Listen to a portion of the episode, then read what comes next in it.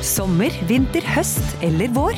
Uansett hva du trenger til hjemmet, byggeprosjektet, bilen eller fritiden, finner du det hos Biltema. Hvorfor betale mer? Three, two, one. lift off. One, two, three, four, five, five, four, three, two, one. Enter test.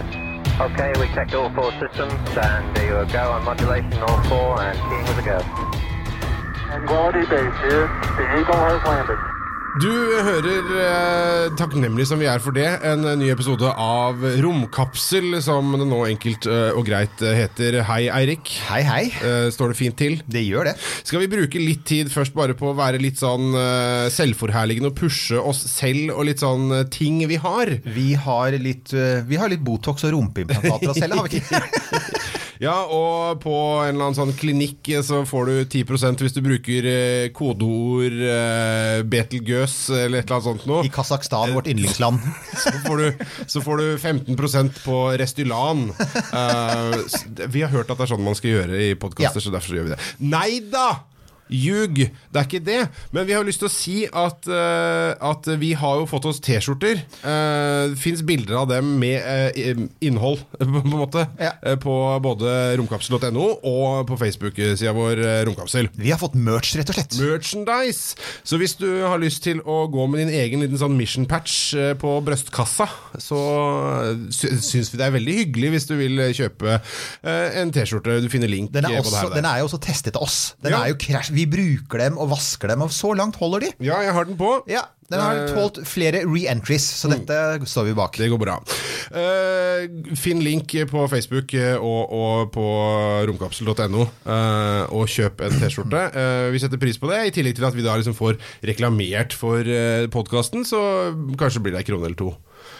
til oss i tillegg, og det eh, trenger vi jo litt. Vi gjør det. Vi har også en Vipps-konto. Ja.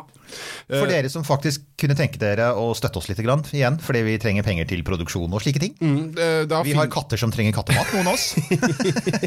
Ja, eh, vi tar ikke av de penga til kattematen din, Eirik. Altså, vi får holde litt sånn skott uh, Vi får det. Så. Vanntette skott er et godt prinsipp Ja. i redaksjonelt arbeid. Uh, gå inn på Vips, og så søker du opp romkapsel. Eh, enkelt og greit. Eh, der finner du det, og vi setter pris på alt og takker eh, så meget eh, for det. Ja.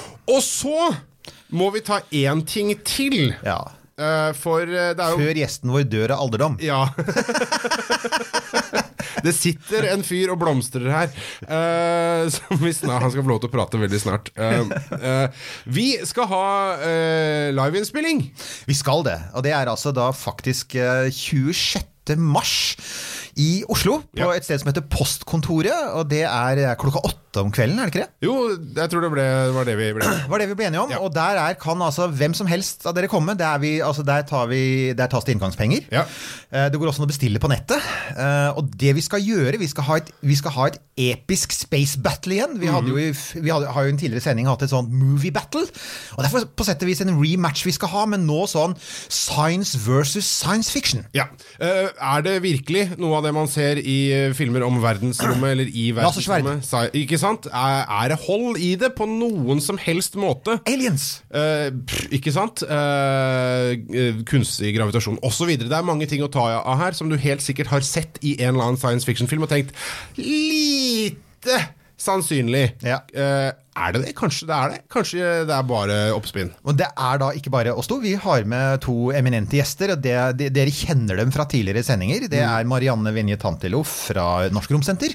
Og så er det Petter Bøckmann, den uforlignelige biologen og zoologen er han. Det blir en kveld eh, i nerdens tegn eh, på en sånn deilig måte. eh, og så kan man da kjøpe seg noe å drikke på. Sånne eh, ting som man kanskje ikke bør nevne her hvis man ikke skal bli sperra på iTunes, men ja, Og så sånne ting kan man også få. Veldig god pizza der også på postkontoret, så det er vel eh, noen muligheter for å få seg Ja. noe mat for dem som måtte det òg. Der er vi klare. Eh, 26. mars altså, Ja. liveinnspilling på postkontoret. Gå inn på postkontoret sine sider og kjøp billett. Eller du finner også linken der selvfølgelig via vår eh, Facebook og romkapsel.no osv. Hele tatt. Og nå skal vi vekke han opp fra de døde. Det skal vi. Eh, han har sittet her og hørt og fått lyst på både det ene og det andre av ting vi har å by på. Men Norges svar på Brian May uh, er gjest i, i Romkapsel. ser ut som han liker det, da. Ja, det var funka. Det er ikke helt den samme fylden på håret, men, men allikevel. Uh, velkommen, Jon Larsen. Tusen hjertelig, hjertelig takk. Uh, For, for de som da kanskje har vært mest eh, sånn eh, eh, vitenskaps- og romorientert, så kan det være verdt å nevne, og kanskje ikke de har hørt så veldig mye på musikk, så er det verdt å nevne Hot Club de Norvège. Eh, for der er, var du også. Mange mennesker har en øh, eh, De har en dagjobb for å finansiere hobbyene sine på kveldstid. Jeg har hatt det motsatt. Jeg har Ja. hatt en kveldsjobb for å finansiere hobbyene mine på dagtid. Og, og det har vært uh, som turnerende musiker med kvartetten Hot Club de Norvège, som jeg har holdt på med i over 40 år. Det er jo et kjent navn i norsk Ja. musikk. Jo da, hvis du holder på lenge nok, så blir du det. Norge er ikke større enn det. Men nå er den, det kapittelet over. Blar om. Nytt kapittel etter nytt år, eh, 2020. Og nå er jeg tilknytta Universitetet i Oslo på heltid som for å forske videre på stjernestøv. Yes, det er- Stjernestøv, det er Ja, akkurat det. ja Stardust. Det er Ja. Men, men jeg syns jo det er, det er så gøy med liksom, øh, musikere som man på en måte kategoriserer på en type, som én type mennesker. Og så viser det seg at øh, nei, de er ikke helt sånn, for de kan faktisk noe mer sånn alvorlige, ordentlige ting også. Ja, det, Der røpet du en del fordommer, vil jeg si. Ja, ja, ja, ja, ja, ja, Men det er eh, selvfølgelig sanne alle sammen. Og vi er jo bohemer og har sunket oss ned i syndens pøl eh, i alle disse år. Eh, Hot Club Norwegian var tross alt et 70-tallsband, og da var det intet menneskelig som var fremmed. men, uh, men jeg har alltid samtidig vært steinsamler. Altså Jeg slutta aldri å samle på stein som barn, så mineralogi har vært hobbyen min eh, hele livet. Og liksom kose meg med å lese om det, og se på stein, og ta på stein, og hogge på den, og tenke over det. Men, men likevel, da, så er det altså fra å liksom ha stein som hobby, uh, og så ha musikk, og du, har vel, du er vel også maler, er du ikke det? Altså, Ja, så, så du er kunstner i det hele tatt? Nei, men altså, du er, Jo, jo. Du, er liksom, du er kunstner, så hvor, hvor er liksom, hvor er liksom vippepunktet? Hvor skifter du? Hvor begynner det karriereskiftet, da? Ja, det, Hva er det som gjør det? Hva er det som bringer deg For det, tross alt, dette er et, dette er et altså, forskning på stjernestøv, eller mikrometeoritter, som det også heter. Jeg er, jo, jeg er jo astrofysiker. Jeg vet astrofysikk er et nisjeområde. Og mikrometeoritter er en nisje av en nisje, så hvordan havna du der, på en måte? Det var helt opplagt, sett med ja. litt ståsted. Selvfølgelig! Så klart, det ene tok det andre. Nei, altså, Du nevner dette med altså, min mørke fortid så, i kunstens verden. Og, og det kunst eh, og forskning har som fellesnevner, er jo selvfølgelig eh, nysgjerrighet og empirisk forskning. For uten å bedrive empiri, hvis du skal lære deg et instrument eller lære deg om farger og former og sånt, så, så får du ikke uttrykk, du får ikke lagd noe. Og i eh, forskningens verden er det jo sånn at hvis man eh, bare følger boka og, og holder seg der, så, så kommer man ikke videre. Man må bruke fantasien for å øh, komme ut av boksen. Men hva var det som trigga deg? Hvor er, liksom sånn, er det sånn øyeblikk hvor du sier Oi, wow. Ja, det er, det her, sant? her, her det var et Eureka-øyeblikk i, eh, Opp av badekaret, liksom? Ja, det, det gikk veldig fort. Uh, Og det var for en ganske nøyaktig elleve år siden. Så var jeg ute på hytta mi ute på Nesodden og skulle spise frokost. Og hadde gått til forhåndslagring av en kurv med jordbær. Det var i jordbærsesongen, og naboen som er bonde, dyrker fantastiske jordbær. Og så tørker jeg duken, dette er utendørs, på veranda med blå himmel og sånn deilig solfylt jul i dag. Tørker jeg duken og setter meg ned for å spise jordbær, og så ser jeg at på duken, der jeg nettopp har tørka, det var riktignok en hvit duk, da, men så ser jeg at der er det en prikk, en sort prikk som ikke var der for et øyeblikk siden. Og så kjenner jeg på den med fingeren, og så kjenner jeg at guri malla, dette, dette er ikke et frø som er blåst med vinden, det er for øvrig ikke noe vind, men det kunne vært et blomsterfrø, det kunne vært en fluelort, men det er en liten stein. Og da skjønte, Det kunne jeg kjenne fordi jeg har holdt på med stein hele livet. At jeg, jøss, dette er en liten stein. Den skulle ikke være der. Og så kjenner jeg med fingeren, for det er vanskelig å se, den er såpass liten som et minipunktum. Men så kjenner jeg på den er ruglete. Her er den, den er ikke helt glatt som en øh, klinkekule. Den er, er noe ruglete. Og så blinker det litt i skarpe solskinnet. Så hm, stein og noe metall. Men hva kan dette være for noe? Og ikke visste jeg. Men altså, den måtte jo da nødvendigvis ha kommet ovenifra eller bortenifra. Og så tenker jeg det kan vel ikke ha kommet fra verdensrommet? Og så begynner jeg å google. Jeg hadde jo hørt om eh, både meteoritter og mikrometeoritter. Og tenkte jøss, guri malla, kan dette være en eh, mikrometeoritt? Det skal jo ikke være mulig å finne dem.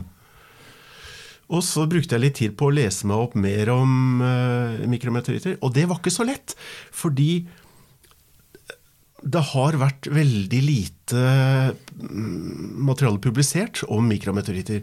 Og grunnen til det er at forskningsmaterialet som har vært tilgjengelig, har vært så lite. Har, altså all verdens forskning på mikrometeoritter, altså kosmiske støvpartikler som har falt ned på jorda, det er basert på en halv teskje med eh, støv som er funnet på Sydpolen i all hovedsak. Og hvorfor på Sydpolen? Ja, nemlig, hvorfor det? Ja, jo, for der er det, det er renere enn alle andre steder. Der er det et konstant høytrykk som blåser eh, eh, støvpartikler eh, fra de tilstøtende kontinentene, altså Sør-Amerika, Australia osv., bort og ut og holder unna. Sånn at isen på Sydpolen er reinere enn is og snø her hos oss, f.eks. Og ved å bore ned i isen til før eh, industriell eh, revolusjon, altså tilbake til vikingtida, 1000 år tilbake i tid, så finner man ultraren ris, is med det. og det, det brukes, eh, smeltes og brukes til drikkevann for forskerne på Sydpolen. Så viser det seg bare at der er det urenheter i vannet. Og det er mikrometeoritter. Ja. Ja. det er- Hvordan- Det har vært referansesamlingen om dette. Hvordan vet man da at det er mikrometeoritter og ikke noe sandkorn? Jo, litt på samme måte som eh, de større meteorittene, som kanskje man flere kjenner til. Altså, de er annerledes enn eh, jordisk stein. Prosessene på jorda er med platetektonikk og vulkanisme f.eks. gjør at eh, mineralogien her er veldig variert, men også nokså karakteristisk. Tyngre grunnstoffer har for lengst sunket inn til jordas kjerne, nikkel, platina osv., mens i de kosmiske støvpartiklene f.eks. er de fortsatt å finne på overflata. Så det er rett. Så, og så er det jo, skal jo heller ikke tenke på oss at på, på Sydpolen har man jo også funnet mange konvensjonelle meteoritter, ikke sant? også de store. Ja. Så man har, for det, det er jo også veldig velegnet til det, så, så her er jo saken altså at man har egentlig ganske som du sier, god kunnskap om liksom, kjemien og sammensetningen av meteoritter, så når man finner en sånn liten partikkel, så kan man liksom, ja, man, man kan analysere den da. Hvordan gjør man det forresten? Altså når man, altså, for at, altså du, eller bare for å gå tilbake til, du finner altså dette lille kornet, Ja. du, du tror at dette kan være en, noe fra verdensrommet, Eller jeg blir nysgjerrig på det, i hvert du blir nysgjerrig på liksom, ja, hva er neste, altså, og så tenker jeg liksom, hva er neste steget? For det, det må jo da gjøres masse praktisk imellom da, for å liksom få det kan du, Fins det steder hvor du kan sende det for å få det analysert? Ja, øh, En sånn stein? altså den steinen du sitter, fant Jeg sitter daglig Ja, du og gjør det. ser Nå, ja, men jeg tenkte da du begynte, var det, så hva var det? Nei, jeg måtte Eller jeg, jeg ble nysgjerrig. Jeg ville lære, vite mer om dette her, så jeg prøvde å finne litteratur. Det fantes ikke. Det Nei. fantes ikke noe popularisert. Men det fantes fagartikler, og de er ikke så lett å få tak i, for da må man være, ha tilgang på, på de bibliotekene som er det. Så jeg fikk hjelp av en eh, mineralog på Universitetet i Bergen, som sendte meg alt jeg ba om av fagartikler. Og i løpet av en vinter, en påfølgende vinter, så hadde jeg fått uh, i grunn alt som er publisert om mikrometeoritter og kosmiske støvpartikler. Det er tre centimeter høy papirbunke. og, og, da, og da måtte jeg også lære meg å lese, lese fagartikler. Kan, kan jeg bare stoppe deg litt Mm. her? For at det, det tegner seg et bilde her av eh, et eller annet Dette her var bare pur nysgjerrighet. Det, er ikke noe, det ligger ikke noe geologiutdannelse eller noe, noe à la Eirik noe sted her? Nei, altså nå er det sånn at det er ikke noe, det er ikke noe utdannelse for eh, mikrometeoritter. Yes. Sånn at uh, man må nesten lære seg det sjøl. Ja. Men Men du har heller ikke du, har- du, Har du studert Har du studert geologi? Altså, nei. Eller, nei. Så, det er, så du, har, du, rett og slett, det er det som er poenget, du starter rett og slett fra scratch. Ja, ja. Men, men det har jeg, altså det har jeg Jeg begynner jo nå å bli en eldre, eldre gubbe, og, og har jo hatt eh, et langt yrkesliv som frilanser, og jeg har jo ingen formell utdannelse i noe som helst. men det betyr jo også at, at jeg liksom har eh, fått den vanen med å like å lese meg opp på nye ting og, og sånne ting. Så, men i hvert fall så, så gjorde jeg dette med disse fagartiklene om mikrometeorittene. Og så, så er det en sånn, eh, noe som springer i øynene. En sånn selvmotsi... En, eh, altså en kontradiksjon inni der. Det ene er at alle var enige om at eh, det kosmiske støvet det er overalt. Vi tråkker i det antagelig, og det ligger på hustak og sånn. Men det andre er at det er umulig å finne det. Eh, ok. Og det er av flere grunner at det ikke skulle være mulig å finne For det er umulig å skille det fra det andre støvet? Er det Ja, det, det som er greia er Vi vasser jo i støv, gjør vi ikke det? Ja, vi vasser i støv. Og det er mye altså Mikrometeorittene er gjerne avrunda små sånne smeltekuler. Sferuler, som vi kaller dem. Og det er det veldig mye av fra all mulig menneskelig aktivitet. Enten det er altså Hvis du kjører en vinkelsliper inn på en stålbjelke, så ser du en sånn gnistføyk som kommer ut. Og når det, den gnistføyka, hver av de gnistene ender opp som en sånn liten smeltekule av jernoksid, i det tilfellet. Og veldig mange menneskelige aktiviteter skaper sånne sferuler. Sånn at det ene, ene grunnen til at vi ikke hadde funnet eh, mikrometeoritter eh, eh, for 10-11 år siden, var at det er en såkalt uoverstigelig mur av forurensningspartikler. Det er det ene. Og det andre er at man gikk ut fra at disse kosmiske støvpartiklene er jo små, til dels nokså skjøre. Og at de, når de kommer ned på jorda i, fra det kalde vakuum der ute, så vil de rett og slett ikke tåle det jordiske været. Sånn at de vil gå i oppløsning i løpet av uker eller måneder. Det var i hvert fall uh, hypotesen.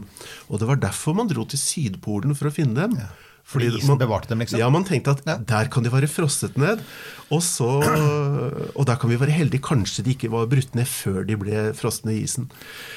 Men så, så tenkte jeg at uh, Men hvorfor altså, dette var jo, de, de fleste mente jo tydeligvis at dette var riktig. Hvorfor godtok Ja. du ikke det? Altså, det ville jo de fleste som satt og For du er jo da det som, Du er jo faktisk en amatør i ordets egentlige betydning. Ja en, som, en som gjør noe fordi han elsker det. ikke sant? Ja og, og hvorfor er det da du som en tross alt en amatør med alle disse kloke fagfolka og de tre centimeterne med materiale, Ja. så sitter du der og sier Nja, jeg vet ikke om de har rett, jeg. Det er nesten sånn kommentarfeltkriger her. Ja, det var det jeg tenkte, jeg. Sånn, ja.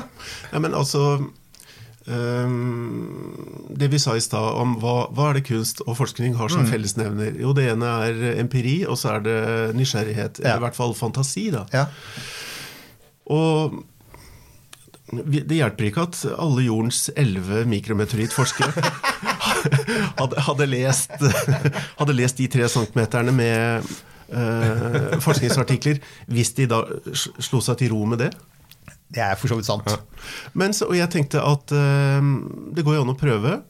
Og dette hadde sammenfall med en sånn periode i livet Det skal ikke altså, undervurderes, det heller. Hvor jeg hadde vel lite jobb. Mm. Så du hadde mye tid? jeg hadde mye tid. Jeg er frilanser selv, så dette Ja, kjenner jeg igjen. sant? Eh, Hva gjør man da? Jo, da kan man, når man har eh, dårlig med oppdrag, betalende oppdrag, ja, skal man pusle litt med Eller ikke så rent lite, for den saks skyld. Men hva, hva er da liksom det neste steget? Jo, altså, det Da neste- sitter du der med den partikkelen, og så Ja. ja. og Så måtte jeg begynne å leite, og, og, og så leste jeg i disse papirene og fant ut at eh, i hvert fall de inneholder en del magnetiske stoffer, mineraler, som gjør at ja vel, da kan jeg kjøpe meg en magnet, i hvert fall. på Claes Olsson, 120 Går kroner. på, går på Claes, Ja. betaler en Og så skulle de være De er små, ok, kjøp meg en T-sil. Ti kroner til! Dette er, merker at dette er, dette er romteleskop vi snakker ja. her. Jo, men altså, det, det er akkurat det, sånn det foregikk. Det er litt kult, da. Og så begynte jeg å ta prøver. Og da er det, så tok jeg prøver av veistøvet rundt hytta der vi var. Og etter hvert, når sommeren var over, tilbake i Oslo. Kjørte rundt i Oslo og tenkte jeg, ok, hvis, hvis disse partiklene det drysser ned fra oven, øh, kanskje legger seg i bunnen av bakker, som er sånne skråplan, kanskje hvis jeg finner større skråplan, at vi er mer der. Så til slutt så var det sånn jeg sto opp klokka fire om morgenen på søndag for å kjøre opp til øh, E- E6 mellom Gardermoen og Oslo, hvor det er altså 100 000 kvadratmeter vei. Og så gikk jeg da i sånn gul refleksvekst, eh, på når det kom en bil, og så løp jeg ut i veibanen og tok masse prøver. Og heldigvis kom det ikke noe politi den gangen. Jeg har blitt stoppa av politi flere ganger. To ganger, eh, Ja, du kjører, men ikke der. Du kjører rundt med støv i plastposer på litt rare tidspunkter av døgnet. Sant? Veldig rart. Og jeg Ja, kan love til deg musiker, ja. Mm. jeg kan love Og, deg og musiker. jeg kan love deg, Det var en, sånn en gang en, en grøft på Veitvet. Og sånn starter jo mange historier for musikere. En grøft på vei til Ja. men, men så skiller det seg veldig. Ja, men, eh, men i hvert fall så tok jeg prøver. Og ikke sant, det er et uh... Og bare oppsummere, Utstyret er altså en magnet. Ja. Det er en T-sil. T-sil og så et par plastposer. Og, og, plast, Unnskyld, men det er ganske det er, Ja. og plastposer er, er viktig. Det er liksom, hva skal man si, det er ikke safe sex, men det er, det er for ikke dra med seg eh, noe man ikke vil, fra ett prøvested til et annet. For jeg etablerte en journal, altså en, eh, rett og slett en bok, en perm, hvor jeg skrev inn Jeg hadde tatt en støvprøve fra Christian Michelsens gate i Bergen, og så gikk jeg hjem og så på det mikroskopet, så skrev jeg ned i journalen Christian Michelsens gate, 4. september 19, eh, 2010. Og der hadde jeg funnet det og det og det. Og så prøvde jeg på nabogata, nabokryss. Så sammenlignet jeg med kryss i Oslo og Bergen. Men som turnerende musiker så hadde jeg da fått i løpet av to år gått Norge på langs et par ganger. Så jeg fikk jo en fin geografisk spredning, også i noen tilstøtende naboland osv. Og overalt så tok jeg støvprøver og skrev inn i journalen og begynte å ta bilde av det med sånn litt USB-mikroskop. Og da er det jo det at Det jeg prøvde å, å Først så begynte jeg å lete etter mikrometeoritter. Men for det første, jeg visste ikke hvordan de så ut. Jeg visste ikke hvor store de var. Og jeg ante ikke hva det bestod av kjemisk. For det sier ikke disse forskningsartiklene noe sånn helt konkret om. Så jeg måtte gjette meg til veldig mye. Og jeg tok feil i det meste. sånn Det, er god, det er god forskning. Ja, det, er sånn det, er, ja. det er sånn det er. Stort sett har man feil. Masse feil. Men det jeg, måtte, eller det jeg gjorde etter hvert, det var jeg prøvde å gjenkjenne de hyppigst forekommende typer i støvet, f.eks. fra byer. Etter hvert så dro jeg også til større byer. Paris, London, Rio de Janeiro, eh, Kuala Lumpur, Los Angeles. Eh, Mange, altså de store byene, for å se er det annerledes eh, støvpartikler der. Og dette er overalt hvor folk faktisk liker å høre, ja, høre Hot Club. Så det det er, Ja, det er, men- det er en korrelasjon mellom Sånn vitenskapelig sett så er det en korrelasjon mellom interessen for ja, Django Reinhardt og Ja, Men det gikk ikke mer enn et par år før feriereisene ble lagt til steder hvor jeg var nysgjerrig. Ja, riktig! For Indiske hav, en vulkanøy hvor jeg tenkte kanskje det kunne være noen sånne smelteperler fra tyntflytende magma. Jo da, og jeg fant det. Det, her, her, det er så mange For at Nå ble det litt sånn Ja, kan følge reiser ut av til band og sånn. Og det er jo sånn du ser i, i sånne true crime-greier. Sånn Du leiter etter masse drepte jenter nedover langs Ja. en eller annen sånn reise. Ja, ja, ja, ja, liksom Og igjen en som fy, kryper liksom klokka fire om morgenen på knærne i veikanter med plastposer. Ja, og, og gjør det i Paris, jeg skal si lov deg, det er en fornøyelse. Altså, da er det duften av fersk bakverk som han gir deg. Og så er det sånne nattens ravner og syndere som rusler der. Og der går jeg og krabber på knærne ute i ja. Som bare et, et innslag i et normalt bybilde. Men, men så sitter du der da med utrolig mye støv, Ja. og, og, og så er jo da liksom sånn at du skal både liksom finne ut hva er det det inneholder, Ja. men du må jo også skille Clinton fra hveten. Nå snakker Ja. vi ikke om Bill Clinton her, men det er en kornmetafor, folkens, for de Ja. som ikke ja. så, så, så hvordan gjør man det? Hvordan finner man Eller nåla i høystakken, da. Hvordan finner man det? Jo, jeg da Eller jeg prøvde da å, å gjenkjenne de hyppigst forekommende typene, som sagt. Og prøvde å se er det noe mønster i dette støvet. Og i løpet av fem, seks, bortimot sju år, så hadde jeg, da hadde jeg greid å kartlegge all verdens støvtyper. Dette er helt bokstavelig. Dette er ikke en metafor. Det fantes en gang en film som het Støv på hjernen. Ja. En, en klassisk norsk film. Den er faktisk verdt å se. Den er ganske morsom. Men, men er, vi, Men er det vi der vi snakker er? ikke om lodotter, vi snakker ikke om sånne Nei, nei, nei, kaniner. men det er fremdeles støv, fordi- Ja, det er støv, de er mindre enn en millimeter. Ja. Det vi kaller det støv. Ja. Og, og så er det en sånn fin tommelfingerregel innen forskningen som sier at hvis du gjentar et, forsk, et forsøk mange nok ganger, så begynner de, eh, de sjeldne variasjonene å dukke opp. Sånn at etter sju år så hadde jeg kartlagt støvpopulasjonene i verden. Og da dukka det opp en partikkel som ikke ligna noe jeg hadde sett før. Og som jeg kunne ikke utelukke Jeg kunne ikke bekrefte at det var en mikrometeoritt, men jeg kunne ikke utelukke altså dette, dette visste jeg ikke hva var. Og da visste jeg hva de, de fleste typene er. Og så viste jeg den til eh, den personen i verden som kan mest om dette her. Han heter Matthew Genge ved Imperial College i London. Og han kasta bare ett blikk på han og sa 'der er han! Dette er en utenomjordisk partikkel'. Det skulle ikke være mulig. Etter sju år. Ja, Ja. Så du, du, har- Det var i 2015. Ja. så har du funnet én. Da hadde jeg funnet én. Ja. Og han sa eh, Men du vet ehm, du har ikke bare funnet den første, men du har også funnet den siste mikrometeriten noe menneske kommer til å finne. For dette, er, dette skal ikke være mulig, og det er ikke mulig. Ok, Men, eh, men, men altså her, det, er, jeg- det er så mange, Jeg har så mange spørsmål her nå. Ja, kom okay, med det. ok. For at her, her, er- Jeg sa jo innledningsvis at du er litt sånn Norges svar på Brian May, men så er det også litt sånn astrogeologiens uh, svar på Thor Heyerdahl. Eh, du bare finner ut at dette er noe du skal gjøre, og, og så tenker jeg at f.eks. Da når du skulle ha fatt i han eh, kameraten på Imperial College der. Ja. Eh, Så tenker jeg Da er du en fyr som bare syns at noe er litt interessant. Det å få innpass da og skulle liksom Se her, jeg har, nå har jeg drevet leita gjennom støv i sju år, og så har jeg en bitte, bitte, bitte, bitte liten ting her som jeg har lyst til å vise deg. Kan ikke vi bare møtes for en kopp te og en scone? Er det litt sånn? Altså, det var ja, ja, ja, kom igjen! Prinsippet er der. Men uh, han ville jo ikke uh, Han, som alle meteorittforskere rundt i verden, de blir nedlessa Det er nemlig det. Er ikke det en greie? av, av eh, folk som må finne noe kråkesølv som har eller funnet, funnet et eller annet, og så vil de ha en mening om det. Og så blir de sinte hvis de ikke får det svaret de ønsker. Ja. Altså de som sender inn, ja. Ja. Jeg har vært med på jeg har vært Ja, med ja. jeg, Også jeg får sånn der Ja. jeg, jeg har funnet svar på relativitetsteorien, så Ja. jeg, mm, jeg er ikke sikker på det, og så blir de sinte. Ja. Ja. Nei, men sånn, det er, sånn er verden. Og jeg måtte, var i den køen.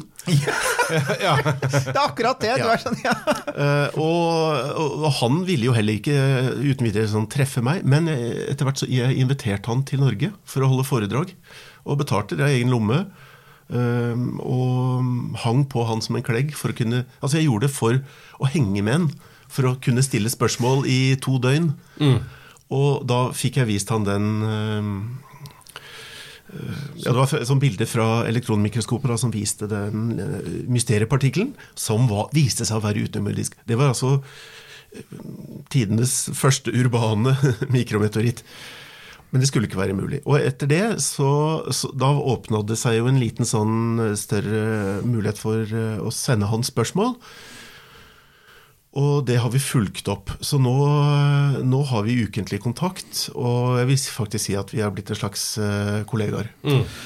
Men, men altså, som, som eh, legmann her nå eh, d- Nå har du da, etter sju år, så fant du én bitte, Ja. bitte liten en. Ja. Eh, hva, hvorfor er det viktig for deg? Hva er det vi skal med de? Altså, og den bitte, bitte lille der har noe hva, Ja, eh, ta over du. Nå kan du ja. Du spør hvorfor det var viktig å finne den ene. Ja. Jo, fordi fram til da, og dette var i februar 2015, så visste jeg ikke hvordan, hvordan de så ut. Jeg visste heller ikke om, kjemisk hva de besto av, størrelsen osv. Så, videre. så viste seg at denne ene lille partikkelen den var bare en tredjedel størrelse av det jeg hadde lett etter til nå. Så jeg måtte liksom skalere jakten min ned til en tredjedels millimeter istedenfor en millimeter. Og så bruke en annen tesil. Ja, nemlig, så du hadde, så du hadde, du hadde i sju år brukt feil tesil? Det er sånn ouch-øyeblikk. Ja, Ja, det er sånn- det, det er helt presist, Eirik. Fordi uh, på det tidspunktet var jeg rett og slett ikke han som hadde funnet mikrometeoritten, jeg er han som hadde kastet flest mikrometeoritter. ja, nettopp. Det er også da, sikkert et sunt forskningsprinsipp, men antagelig en litt sånn anelse frustrerende når du innser hva som har skjedd. ja, men, men, Men det det, er er, det er der man ikke må Men være, dette- dvele for lenge ved det. Nei, men det er, jo, det er jo et poeng, og det er akkurat det du sier, sju år. Jeg mener, er det noen punkter mens du holder på med det, hvor du liksom sier Nei, altså, for det, det ville de fleste ha sagt. Nei, vet du hva, shit, dette, dette, dette nå gir Mange ganger. Ja, Og likevel fortsatte du? Ja, fordi Ja, hvorfor det? Ja, ja, nemlig. Så, så, jeg jeg er bare liksom nysgjerrig på det, for at jeg tenker på Jo, det er kommer- grevling, det kommer er grevling altså. Det er, du, da er du innbitt. Ja, Ja, altså eh, Jeg må bare tilstå Jeg, har, jeg er en gift mann. Eh, og Sa han og så på fingeren. Der var ja, eh, den, er til, den er til utvidelse hos eh, David Hansen. jeg kjenner følelsen. Ja, men i hvert fall, eh, kona mi, da jeg begynte å, å liksom leite, da, så sendte jeg raskt ut en sånn infopakke til alle disse elleve forskerne rundt i verden. Hvorav Gensch var en av dem. med liksom info. Jeg starta et prosjekt her for, med tanke på å forsøke å finne mm, urbane mikrometeoritter. Og jeg har kommet så og så langt, vil si kort. og, og søker eh, komponiskap, og er det noen som kan hjelpe meg eller være med og sånt. så... Og alle, hadde, alle elleve hadde fått det. Jeg fikk svar fra én, det var Gensh, som sa Nei, eh, det er veldig mange som holder på med dette her. Og det var en type i Manchester, han kom og hadde holdt på i mange år. Og det viste alt var industrielt.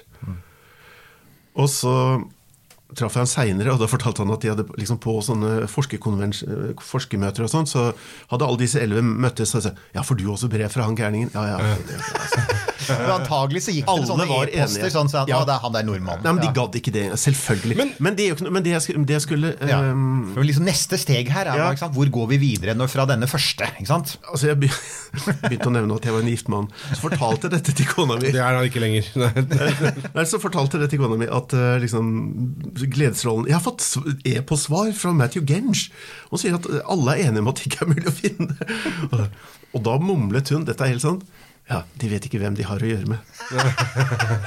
og det var ikke bare positivt ment, det kan jeg love dere.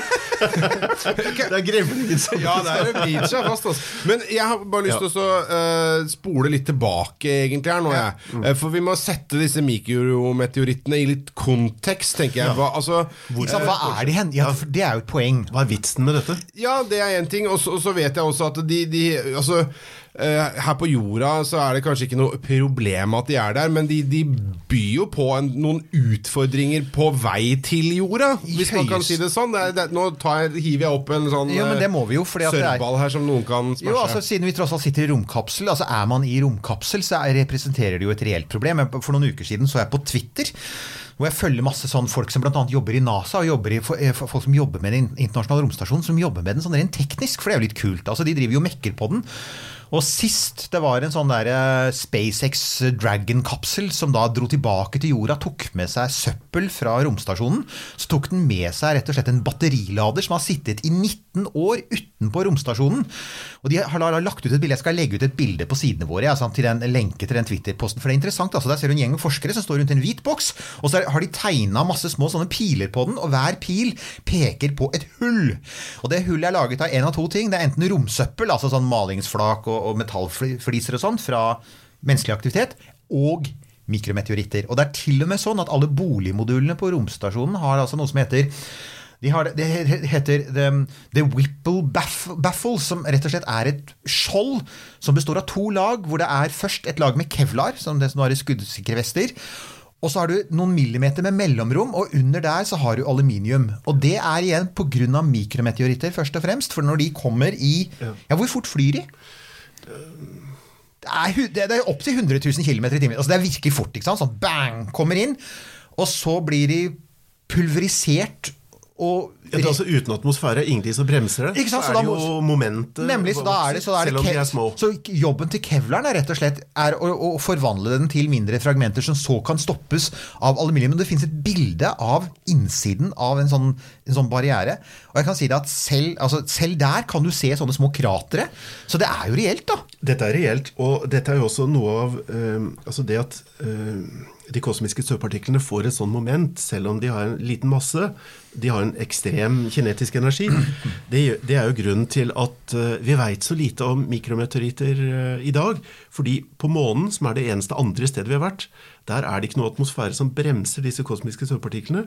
Så de, de smelter og, og spruter ut og lager et sånt teppe av eh, ja, rekolitta blir det kalt. Men det er jo da ingen intakte mikrometeoritter å finne på månen. Sånn det har at, jeg tenkt å spørre om, så, altså, så Apollo-astronautene tok med seg masse månestøv, men, men du finner altså ingen Fins ikke. Oi. Nei, fordi de, de, de må bremses opp. Uh, så regolitten er full av smeltekuler og sånt, men det er jo splashstråper, det er altså impaktitter eller uh, sånne ting. Så vi må til Mars for å finne Hva er det jeg tenkte å spørre om? eh, Selvfølgelig må vi til Mars! Ja, derfor, mine damer og herrer, må vi til Mars. Mikrometeoritter er, er, det som skal tas Der vil jeg tro, altså Den dagen man lander på Mars og kan uh, ta med seg trillebår og en skuffe, så tror jeg du kan bare lemplesse opp Da eh, trenger du ikke tonnevis- Tesil, da. Da trenger du ikke Tesil, og bringer det tilbake til jorda. Da, da vil eh, forskningen på mikrometeoritter, kosmisk døv, eksplodere. Og hvorfor er vi interessert i det? Du spurte om det i stad, og vi kan ta litt frampek her nå, kan vi ikke det? Jo. det er at eh, det er mange mysterier eh, i kosmos, for å starte litt generelt. Noen av det er f.eks.: Hvordan har livet oppstått? Hvor har vannet på jorda kommet fra? Det viser seg at eh, mikrometeorittene inneholder ekstremt komplekse organiske molekyler. Altså ikke, det er bio, ikke biogent, men det er Hva er biogent for noe? Altså det, er sånn ikke, det, er ikke, det er ikke rester av gammelt liv, okay. sånn som karbonet på jorda. Men det er karbonforbindelser, aminosyrer, og det er alkohol og sukker. Det er ikke, altså ikke Så er det man også kaller sånn livets byggeklosser? er det ikke det? Altså det som må til før du skal ha liv, så må du ha dem på plass? Ja. Og dette er eh, rester av gamle stjerner, og det er stjernestøv som har blitt blåst ut, og som har blitt påvirket av kosmisk, kosmisk stråling.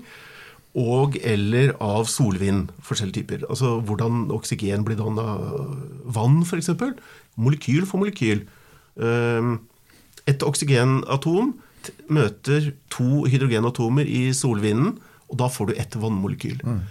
Og eh, mikrometeorittene, eller kosmiske søppelpartikler, kan inneholde 12-15 vann. Og, og det er ikke så lite, altså, for det er 100 tonn i døgnet som detter ned på jorda.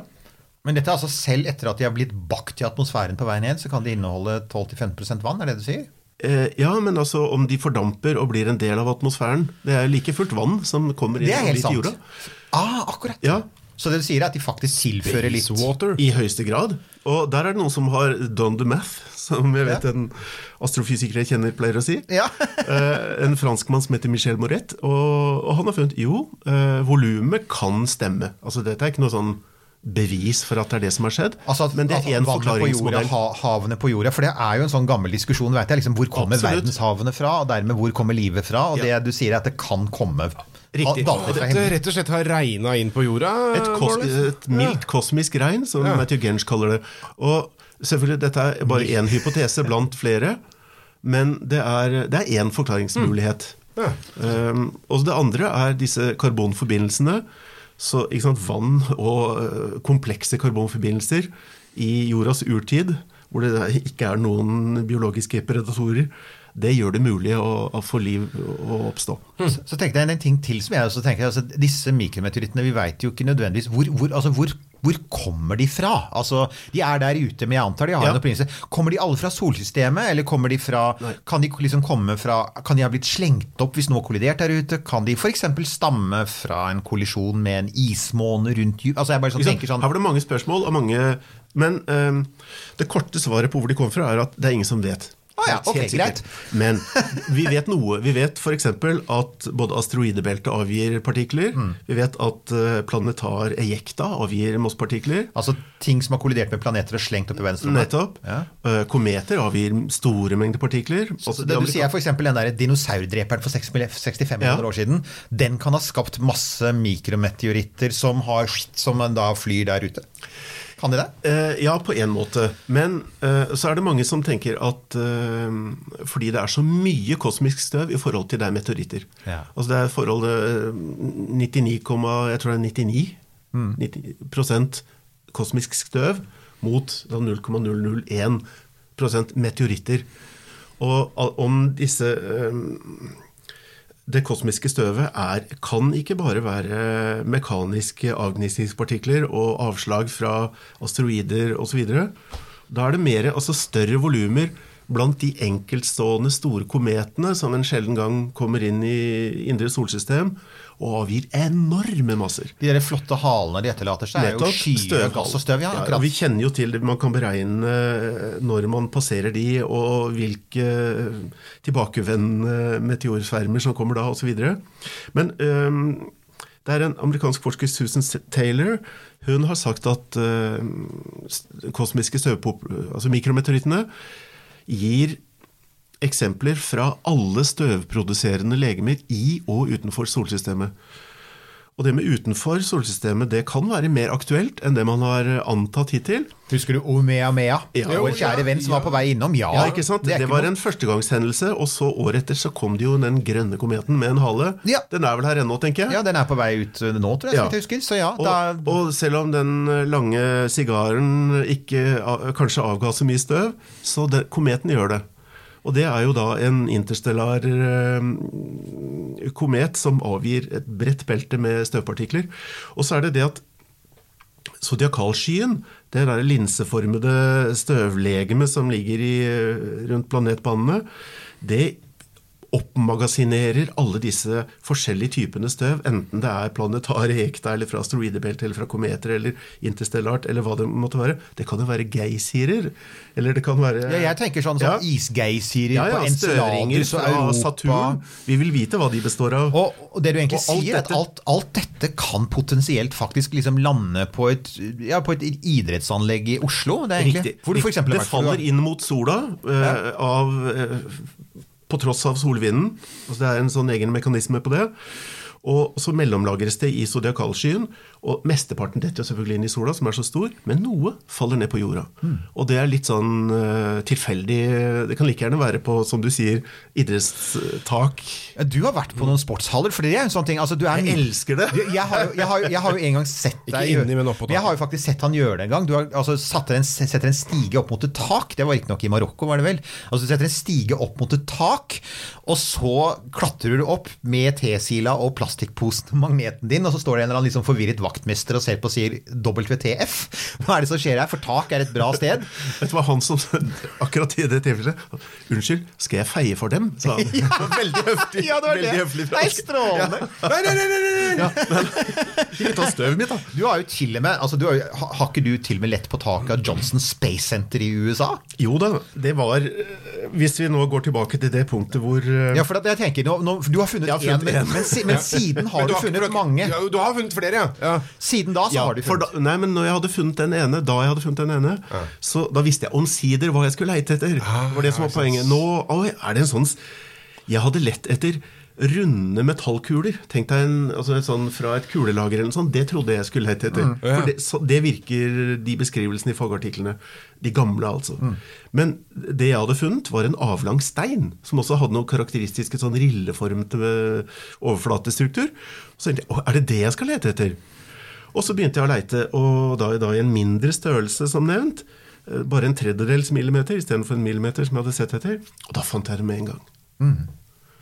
Og da Uh, fant jeg ikke bare én, men da fant jeg mange. Sånn at uh, Gens spådom, eller hva skal man si, statement om at dette var verdens uh, siste, den ble heldigvis gjort til skamme. Og etter hvert så har jeg funnet mange, og nå har jeg funnet metodikk i det. Så jeg, kan, jeg finner uh, i grunnen svært mange hele tiden.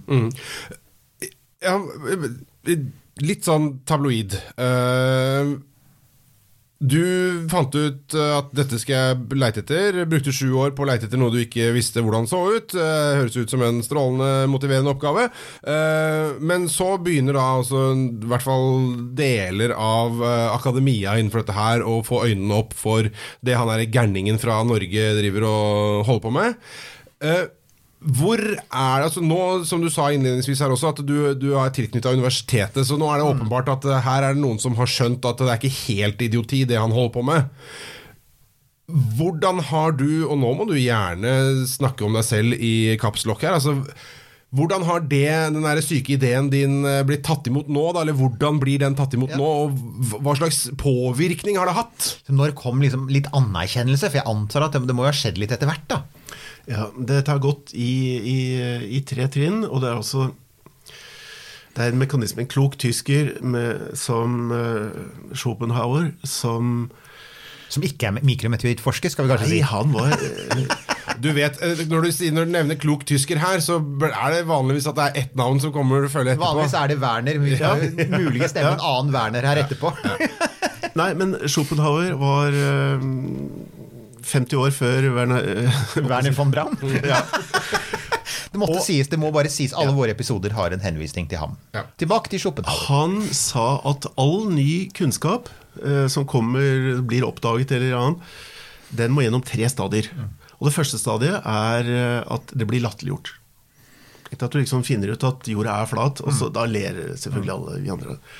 Og så det neste stadium er at hvis du argumenterer godt for din sak, så må vi ta, så må vi ta det på alvor. Og da, vi, da blir du i møte... Så stadium to kraftig imøtegåelse. Ja. Altså med debatt, altså argumentasjon og hele prosjektet. Og så Hvis det da skulle vise seg at du har rett i uh, din oppdagelse, at uh, mot alle odds er det som er riktig, så er stadium tre det er kanskje det, det pinligste av alt. Det at det blir allment akseptert som selvinnlysende. Ja, selvfølgelig. Det har alltid, vært, ja, men alle vet jo det.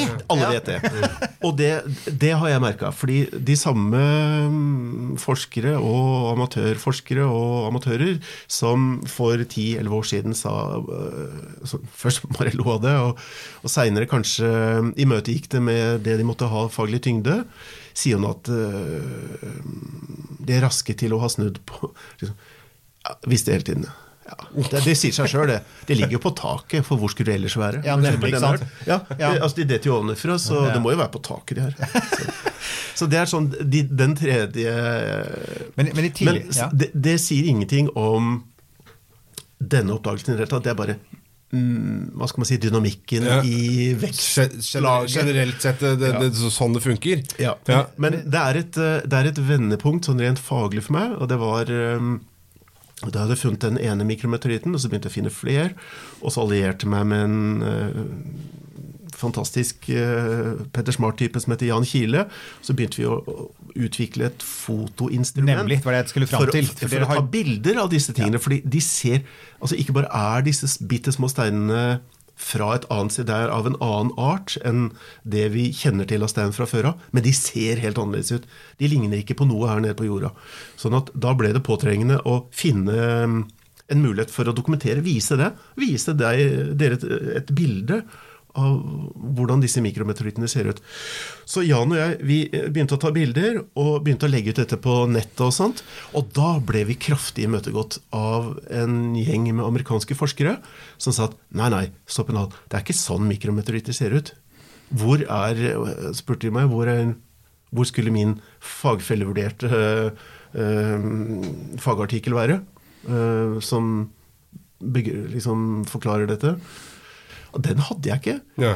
Og da sa de nei, men da, da må du uh, trekke tilbake dine påstander, fordi så vidt vi vet, så er det ikke sånn mikrometeoritter ser ut. I henhold til litteraturen ser den helt annerledes ut. De tre centimeterne med litteratur. Riktig. Ja. Og de hadde helt rett. Fordi det jeg har funnet, og det er ferske mikrometeoritter. Mikrometeoritter som drysser ned på taket. De er ikke eldre enn i hvert fall taket de blir funnet på. Mens de som er fra referansesamlingene fra Antarktis, de er gamle. Og de er tilsvarende eroderte, altså de er værbitt osv. Så, videre. så de er slitte. De har en ugjenkjennelig, ikke-karakteristisk overflate. Mens de ferske de har svært karakteristiske overflatestrukturer og farger og former som ingen hadde beskrevet i litteraturen tidligere. Sånn at når Jan og jeg begynte å legge ut dette på nettet, altså billedsamlinger, album med grønne steiner med gullperler inni, med stripete ting med Noen av dem ser ut som små romskip. Jeg har sett disse bildene. Ja, det er- du har jo- veldig, veldig. Dere har jo laget bøker med det, og jeg, jeg, Ja. har, jeg har jo noen av disse bøkene, For jeg syns jo dette er fascinerende. Ja. Uh, og, og det er nettopp altså Disse bildene er jo vakre i tillegg. De er veldig, veldig fine, og de, de steinene ligner ikke på noe annet. nei, de er helt sånn Og, og det, de amerikanske forskerne de hadde helt rett. Dette ligner ikke på det som er per definisjon mikrometeoritter. Og da hadde jeg et problem. Et forklaringsproblem. Og dette var eh, 2016, så da kontaktet jeg igjen han Genj i London og sa nå veit jeg ikke hva jeg skal gjøre, for nå må jeg trekke tilbake, og folk er su... De var riktig forbanna. Ja, ja, ja. det. Eh, Det er ikke noe ukjent med mm, hva skal man si, hanekamp mellom eh, forskere. Nei, nei. I hvert fall. Så Gern sa ja, her er det bare én ting å gjøre. Det er, vi må, du må plukke ut 50 tilfeldig valgte fra samlinga di nå, og så ta med det til London. Så skal vi la de gå igjennom samme protokoll som vi gjorde for 25 år siden, da mikrometeorittene fra Antarktis ble verifisert. Gjorde vi det? Eh, Mikroprobeanalyse osv. Veldig presise analyser, både kjemisk og utseendemessig osv. Indre strukturer, polerte ned Da er vi på annet eh, maskineri enn tesil og plastpose. Ja, ja. Ja. Da hadde jeg, eh, dette var jo da så seint som i 2016, så da hadde jeg for lengst både mm, Da hadde jeg hatt tre-fire år ved Universitetet i Bergen hvor jeg kunne komme og ta prøver en gang iblant. Ja. Så jeg hadde liksom lært meg elektronmikroskop og, se Sa han nonsjalant. Lært meg elektronmikroskopet. Ja, er Jo, det er det er, jeg har jo sett det på nært hold da jeg studerte Ja. fysikk for alle himmelens år siden. Det er jo ganske avansert utstyr, da. Ja da, men man har gjerne ganske- med seg en tekniker. Ja ja, det er likevel, men det er sånn, ja. Men, eh, men det, er, det er veldig eh, anvendelig. Altså det veldig, gir entydige resultater. og Og forstørrer veldig, veldig mye. Ekstremt! Ja, du bruker jo ikke, altså Lyset er altfor slapt i bølgelengden. ikke sant? Du bruker elektroner for å ta den høye Men i hvert fall, så tok vi med det til London. Eh, dette gnaget og gikk en, tok en hel uke, de analysene. Og da ble det sammenfall mellom den nye urbane kolleksjonen fra Norske Hustak med den antarktiske fra 25 år tidligere. Det var sammenfall kjemisk. Og ikke bare hadde jeg da funnet Det var, det var liksom mm, et vendepunkt, det også. Eh, Det var jo verifikasjon på at, at jeg ikke bare hadde funnet utenomjordisk materiale, men også funnet en metode for å finne, finne mer av det. Ja. Det var litt tilfredsstillende å gni det inn i disse her eh, Ja, skeptiske Nei, vet du hva, jeg har ikke det genet i meg. Altså. Nei, men det er antagelig en fordel, tenker Ja. jeg. For Nei, det, det, det er jo et jeg har ikke tid til det. Jeg gidder ikke. Nei, det bare, pluss at det er et lite miljø, og det er klart at hvis man, liksom, hvis man brukte for mye tid på sånn, så Ja. de antagelig. Men, men hvordan reagerte de som hadde vært så veldig klare? Altså, Tok det lang tid før de sa at ok, dette ser legit ut? Schopenhauers tredje stadium øyeblikkelig. Instant. Ja, men hallo, Ja. dette visste jo. Ja, ja, men nei, noe så gøy og sånt. Og, så, og det munna ut i en fagartikkel som kom året etter, 2017. Så nå er det jo Og da- publisert. ja, ja, nå er det publisert. Og, og det, er, eh, det er interessant, fordi jeg har da gitt ut én fagartikkel i mitt liv, og det er en av de mest siterte fagartiklene som har kommet i geofagene de siste Ja, det er kanskje den mest siterte de siste Ja, siden den kom ut. Oi, det er gøy. Ja. Det er gøy. Og det, det, etter det så, så skjedde det liksom eh, veldig fort forandring for min del. For da fikk jeg jo invitasjoner fra fjern og nær på folk som ville vite mer. For dette var ikke sant, det var en mot alle odds-oppdagelse. Eh, Folk liker sånne historier. ja, ja, i hvert fall så var det Altså vanlige folk, holdt jeg på å si. Altså, Ja. ikke sant? Ja. Ja, fall jo, jo, ja, men, jeg mener bortsett Jo, selvfølgelig. Ja, men Det er, litt sånn, det er jo litt sånn underdog-historie. Det er jo det. For at, altså, du har jo holdt på her alene i alle år. Og du kan si at, at det, Nå høres det greit ut, men du har jo da jobbet inn mot et fagmiljø Ja uten De har hatt alle ressursene. Altså, ikke sant? Altså, Ja de er jo hatt alt Ja, instrumentet. men man så- kan komme langt med en magnet. Men i hvert fall så fikk jeg da f.eks. Uh, invitasjon fra NASA, som jo har brukt milliarder av dollar på å, få ta, å forske på stjernestøv. De har jo til og med sendt ting opp dit. ja, og leder for det prosjektet som er sendt opp, det er Mike Solensky på NASA Stardust Laboratory Laboratory i Johnson Space Center i Houston. Han tok kontakt. eh, Vi møttes på et sånn eh, ja, eh, forskerkongress i Berlin. Og han inviterte meg sporenstreks til Houston, og så dro jeg dit. Og fikk se på disse Vilt to partiklene, da, for det er jo to av sånn mikrometeorittstørrelse partikler som ble brakt ned. Og må bare, ikke sant? mange, mange små. Jeg må bare si altså at det er altså for, vi var I eh, 2004 så fløy en romsonde som het Stardust forbi en komet som het Vilt 2. Fanget opp, ja. Og fanget opp, og den fanget vel opp i sånn der aerogel, sånn Ja. der veldig veldig lett skumplastikk. Og, og så landet det på jorda, og så brukte de utrolig mye tid på å gå gjennom denne, for de er så små. De er ikke ferdige ennå. De er ikke ferdige ennå. Og, det- og det er en sånn blokk med aerogel, og det fantes det heter til og med Stardust at home. altså Det var en sånn der Ja. Du kunne laste en app, og så kunne du sitte og se Det er reelt. Alle som vil, kan være med i jakten der. Kan fremdeles være med på det, altså. Ja. Men, så de hadde to sånne. Det ble, det ble funnet to liksom, hva skal man si, mikrometeorittstørrelse Til x antall milliarder skattedollar. Ja. Just saying. Og, og selvfølgelig et, et stort antall mye mindre, altså sånn nanopartikkelstørrelser. Og de to fikk fikk lov å se på. Kom inn i det rene laboratoriet til eh, NASA Stardust. Altså da, Det er litt som å komme i Peterkirken, tenker jeg. de har ett bilde, det aller helligste. Det er bare ett bilde på veggen i hele bygget der. Det er en hangar, og det er av uh, Stephen Hawking da han er på besøk. Da han er der inne Ja, ja, ja. sammen med de andre. We're not worthy. Og så og Både Jan Kiel og jeg var der inne i Stjernestøv-laboratoriet og fikk se på disse. Det var jo å se evigheten i hvite øye. Men da hadde jeg for lengst fått den hva skal man si, vanen med å spørre om å få gå på taket. Dette var en bygning med flatt tak. Så jeg spurte om å, vi kunne ta en tur på taket neste dag med brukerutstyret mitt. Så, ja, og motvillig sil og altså, pose altså, og støv, ja. Fårete smil, vil jeg si. De hadde forskerne der. Men de, eh, de gjorde det sånn at vi fikk klatre opp på taket der. Det er ganske høyt. eh, Kanskje 20 meter eller noe sånt. Og oppe på taket med feiebrett, og det fins det fint til med bilde av NASA-direktøren som står med feiekost. Meget sikksakksmil. Altså, er ikke i det hele tatt. Og jeg traff han igjen et halvt år etterpå, og han sa når vi gikk opp på det taket der Jeg var helt sikker på at vi ikke skulle finne noe. Men jeg vil I didn't want to rain on your parade. Men hva var det som skjedde? Fant du noe? Ja, som sagt, de hadde to, to mikrometeoritter nede i laben, og så fant vi fem stykker på taket. Ja, Det var x antall milliarder dollar og Og det er- x antall det er- år. det er- det er det er jo det- som er så bra. 200 rett og slett. dollar var budsjettet for den Ja, og eh, fangsten. Det er det som er så deilig med den der, for det der, den der vandrehistorien om, om eh, NASA som brukte millioner av dollar for å utvikle den der pennen som skriver Ja, i ja. vektløs tilstand, og russerne bare Nei, vi bruker blyant. Det, er, det, er, det er det der. Det er litt av det samme, ja. Jo, men altså, er det ikke en sånn uh, annen tommelfingerregel innen forskningen at altså, en god hypotese er en som kan forklare masse? Ja. Og som, som liksom ikke bare Ja, kanskje er billig og er lett og er eh, enkel og forklarer både kanskje på vann og Ja, Jeg tenker av og til på sånn, sånn liksom, berømte Occams rakekniv. Ja, og det er jo som ofte kan, som litt enkelt kan oppsummeres sånn, så det enkleste er ofte det beste. Dere som har det som slagord, kan godt sponse oss hvis dere har lyst til det, men nå sa jeg det helt gratis for dere. men etter for å, for å Rom, romkapselen. Men for å, for å altså, altså, så det, Der du er nå, da, for jeg syns Ja. det er litt interessant altså, Du har fått ganske mye anerkjennelse. Du har utgitt Ja. bøker, du holder foredrag, du reiser rundt. og og du, har et, du, du er jo på Facebook Prosjekt Stardust. Har ikke Ja. de, en, de har en hjemmeside? De er meg, det. Det er deg, det. Ja, ja, men? Ah, jo, men sånn er det Ja. på Facebook. Det er alltid én person som står bak oss. ikke sant? Jo.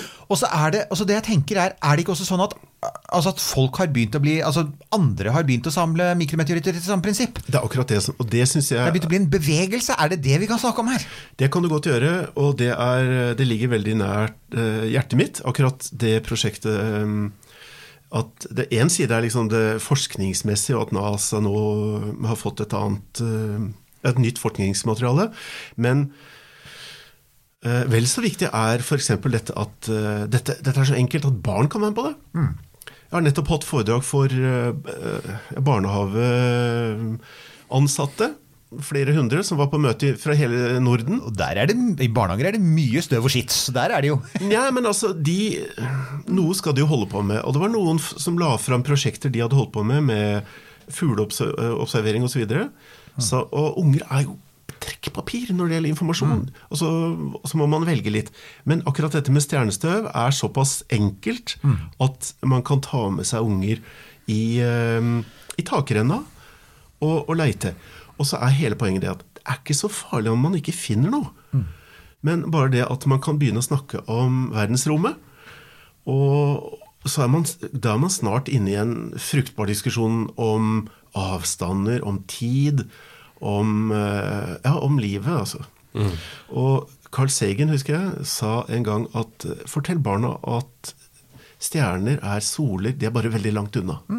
Fordi da vil de skjønne resten. Og så, han sa jo også at 'we are stardust'. Ikke sant? Eller, We are the stuff that stars are made of. Så det er jo den koblinga også liksom mellom rommet og jorda som ligger i dette Ja. prosjektet ditt. Jeg må bare si en ting til. Det er jo, jeg var inne på det i stad, og det er at det er, en, det er jo en Werner i dette. For du har jo denne Stardust-siden, og du kan Ja. følge deg på Facebook. Ja. Og det dukket opp noen bilder av en viss Werner Herzog. Ja. Uh, og Werner Herzog er jo da den berømte Ja, nemlig han den berømte tyske regissøren med den veldig karakteristiske stemmen, som til og med er med i en helt ny Star Wars-serie. The Mandalorian. Ja, ja, ja, merciless. Hva? The jungle is merciless. Ja, ja, han er helt Jeg, jeg elsker stemmen hans. Han er jo helt, han er jo helt mm. Men altså, Werner, altså ikke Werner von Braun, men Werner Herzog. Hva, hva var det for noe? Altså, Hvorfor er det bilder av deg og han sammen ute på var det Lørenskog eller noe sånt? Altså, Hva er det? Jo, nå har jo årene gått, og Jan Kile og jeg har blitt litt uh, kjente i forskermiljøer for uh, stjernestøvet vårt. Og Werner Herzog er jo eh, en dokumentarist. Han har lagd masse dokumentarer, ikke sant? Ja. Veldig mye. Og han er veldig nysgjerrig av legning. På tross av at han begynner å bli en eh, gammel mann, så er han særdeles våken og ultraeffektiv. Han er litt sånn som Woody Allen som har sånn årssyklus på en film. Og han sier You know, with 70,000 dollars you can make a film today. Ja. Så, så han mener at mange flere burde gjøre det, og at det skal være mye mer effektivt. Og jeg må tilstå at jeg har jobba med ganske mange filmfolk opp gjennom uh, livet. Men det å være et par døgn sammen med Werner Herzog, det var altså det mest effektive, det mest uh, fokuserte, det mest ja, Helt fantastisk opplevelse. Saken er at han har, lager nå en oppfølger til den forrige dokumentaren sin, som handler om vulkaner. Vulkanisme into the inferno. Ok! Du gjør en veldig bra Herzog. Ja, Og Den kommer nå eh, Og jeg nettopp eh, faktisk snakka med assistenten hans at filmen er praktisk talt ferdig klippa og blir lansert på den nye Disney Channelen. Altså den, det blir jo den nye strømmetjenesten eh, allerede i april. Og den heter eh, Fireball. Den, nye, og den skal handle om alt av eh, ting som detter ned fra verdensrommet på jorda. Og ikke bare sånn, Det er ikke en sånn geodokumentar eh, per se, men det er en eh, det er det pluss mytologi osv. Altså, hvilken impact har dette fått på menneskelig, på folklore osv. Så, videre. så det har vært i Wolf Crater i Australia og snakket med aborginene som, som liksom Ja, det var some, no, something big, noe stort som falt ned fra verdensrommet. Og de har liksom mytologi som er basert på eh, veldig sånn konkret da, på at gudene kommer der oppe fra kaster stein ned på jorda osv. Så, videre. så dette kommer det nå en film om. Og i den filmen ville Herzog ha med et kapittel om de minste steinene som detter ned, også stjernestøvet. Så han har vært i Norge og filma og Snakket med dere? ja da, vi hadde mm, litt tid sammen, noen dager, og han er jo eh, utrolig sånn nysgjerrig. Og spør og får svar. Og effektivt. Alt blir filma, og han vet akkurat hvordan vi har det. Og liksom én mann med et, et kamera og en som har lyd, og så er det Werner som sier hvordan alle skal bevege seg. Men det er litt, sånn, litt morsomt, for det er liksom litt sånn full circle. For du starter altså som musiker som begynner å interessere deg for stein, og så blir du forsker, men så ender du faktisk opp med en av våre store filmkunstnere. Som kommer til, helt tilbake igjen. Og som, Men fuck, ja, her det er er det, fascinerende. da. Vi må trekke fram Harald Heide Steen her med 'doser ikke den grense under vann'.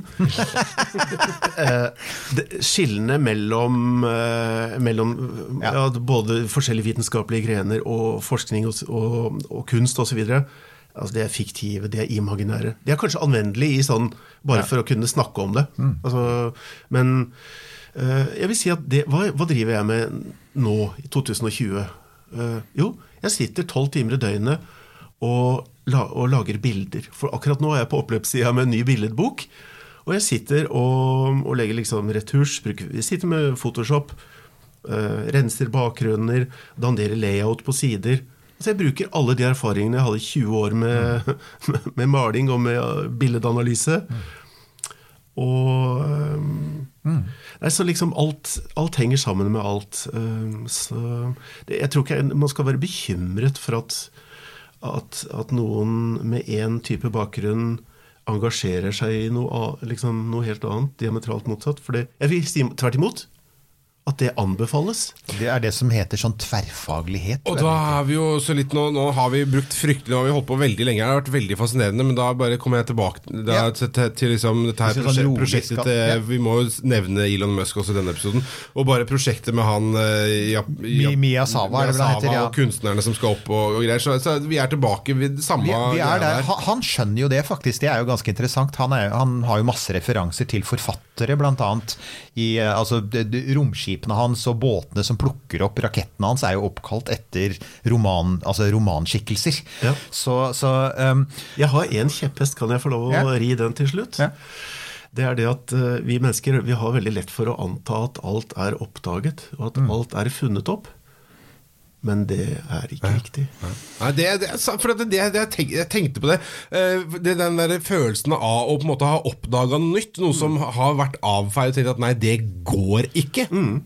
Og ut- ut fra det så liksom Noen ganger ligger en, kanskje en ny oppdagelse rett foran nesa. Og, og hva er, det, hva er det som kamuflerer? Hva er det som gjør at man ikke ser den? Jo, det er vanetenkning. Ja, ikke sant? Og, det, og det andre er jo at eh, den, er, den- er litt styggere, den kjepphesten som kommer nå. Men ut ifra dette vi har snakka om nå, så kan man si at det hjelper ikke, selv om 99% av alle forskerne er enig. Nei, det i seg selv behøver Nei, jo ikke å bevise noe. Det er ikke noe garantist for, uh, sann, for verifikasjon. Ja, det, som, som regel så er det sant, men det behøver ikke å være det. Og hvis man har og som, det er jo, og hvis du liksom sånn skal uh, Altså det fins jo et, et, et poeng til her som jeg syns er interessant, og det er denne historien om liksom hvordan du på en måte transformerte livet ditt. da. For det er det du har gjort. Du har jo forandret Ja livet ditt, og du har jo gjort det liksom helt for egen motor. Du har Mm. jo da mesteparten av tiden ikke fått noe særlig støtte fra noen, verken økonomisk eller faglig. Nei, men det vil Og- bare si at det gjør jeg av prinsipp. Jo, jo, men altså, det er jo interessant likevel, for det er, det er det tross alt ikke så veldig mange som får til. Det er, altså, Amatørforskning er en ting fremdeles. Du har liksom Både innenfor astronomi og ornitologi, fugleforskning, geologi, så spiller vanlige mennesker fremdeles en rolle. Og vanlige mennesker kan kjøpe seg værmålingsutstyr som faktisk kan levere i data til De har jo begynt å samle inn data fra vanlige folk. Så den ideen der om at helt vanlige mennesker, hvis de tar seg tiden og liksom sånn legger innsatsen, kan, kan faktisk gjøre en forskningsinnsats, syns jeg er kjempespennende. fordi i dag så tenker vi liksom forskning er bare sånn Ja, det er veldig profesjonalisert. Det er store forskerteam, enorme budsjetter, store universiteter. Det er NASA, ikke sant? Med 22 milliarder dollar i budsjett hvert år. Og så kommer du liksom med tesila plastposen din. Så det syns jeg vi skal avslutte med her. Husk det! Husk den kontrasten der. At selv liksom altså en og det er ikke det at du har liksom veltet NASA-lasset, for de gjør fantastisk mye viktig forskning, men du har kommet med tilskudd. Du har kunnet komme med Mm. noe som ikke de kunne levere, med alle sine penger. Det syns jeg er inspirerende. Det altså. er, det er det. Det er det. Det var veldig pent og fint sagt, Eirik. Ja, det hender, det var det, det, var det det. hender er- jeg, har, jeg har sånne øyeblikk av og til. Nils. Glimta veldig til. Altså, det, var, var strålende. Eh, eh, hjertelig tusen takk eh, for eh, besøket, Jon. Det, det, var, det har vært eh, veldig interessant altså, Ja. å, å høre på. Virkelig. Kjempe, og, og også inspirerende. Altså. Og, du er, du er, ja, og dette er jo Bli også med, bli med på jakt, da vel! Bli med på jakt, og som sagt, du er på Facebook. Det er bare å søke på Jon Larsen eller Stardust. Stardust var det. Eh, og, med og for så vidt også takk til lytterne, for du er jo faktisk blitt etterspurt av lyttere. Det må jeg glemte jeg å si, men det er du også. Så nå har dere fått innfridd ønsket deres. Det, det vi gjør sånn, skjønner du. her We aim to please. We aim to please. We, we try harder, som et amerikansk flyselskap sa for mange år siden. Så nå er vi altså igjen på vei, så kjenner vi det napper litt i den øvre atmosfæren. Romkapselen er på vei ned mot uh, altså, Kasakhstan. Kasakhstan. Vi skal lande der. Vi skal lande der. Innom gavebutikkene gavebutikken da, i Baikonur. Der eh, kan du ikke finne T-skjorta vår, men det kan du gjøre på merch-butikken vår. Det er link på Facebook og på romkapsel.no. Og så igjen da, så minner vi om eh, innspilling av episode med live studio audience eh, på postkontoret i hovedstaden den 26. mars klokken 20. Eh, veldig hyggelig hvis du eh, kjøper en billett, Og du er kjære gode lytter. Ikke sant? Og du er selvfølgelig også invitert, Jon, hvis du har lyst til å komme. Jeg har jo bestemt meg for å dra dit. Ja, men da, ok, Så da vet vi det at da kommer også Jon Larsen, og da kan dere spørre han direkte mer om alt dere vil ønske om meteoritter og mikrometeoritter. Er og antagelig denne T-silen finmasket nok? Ja, nemlig. Ta med tesilene deres, for, folkens. Det er liksom, det er dagens oppfordring. Vi snakkes! Det gjør vi. Denne Podkasten er produsert av Tid og Lyst.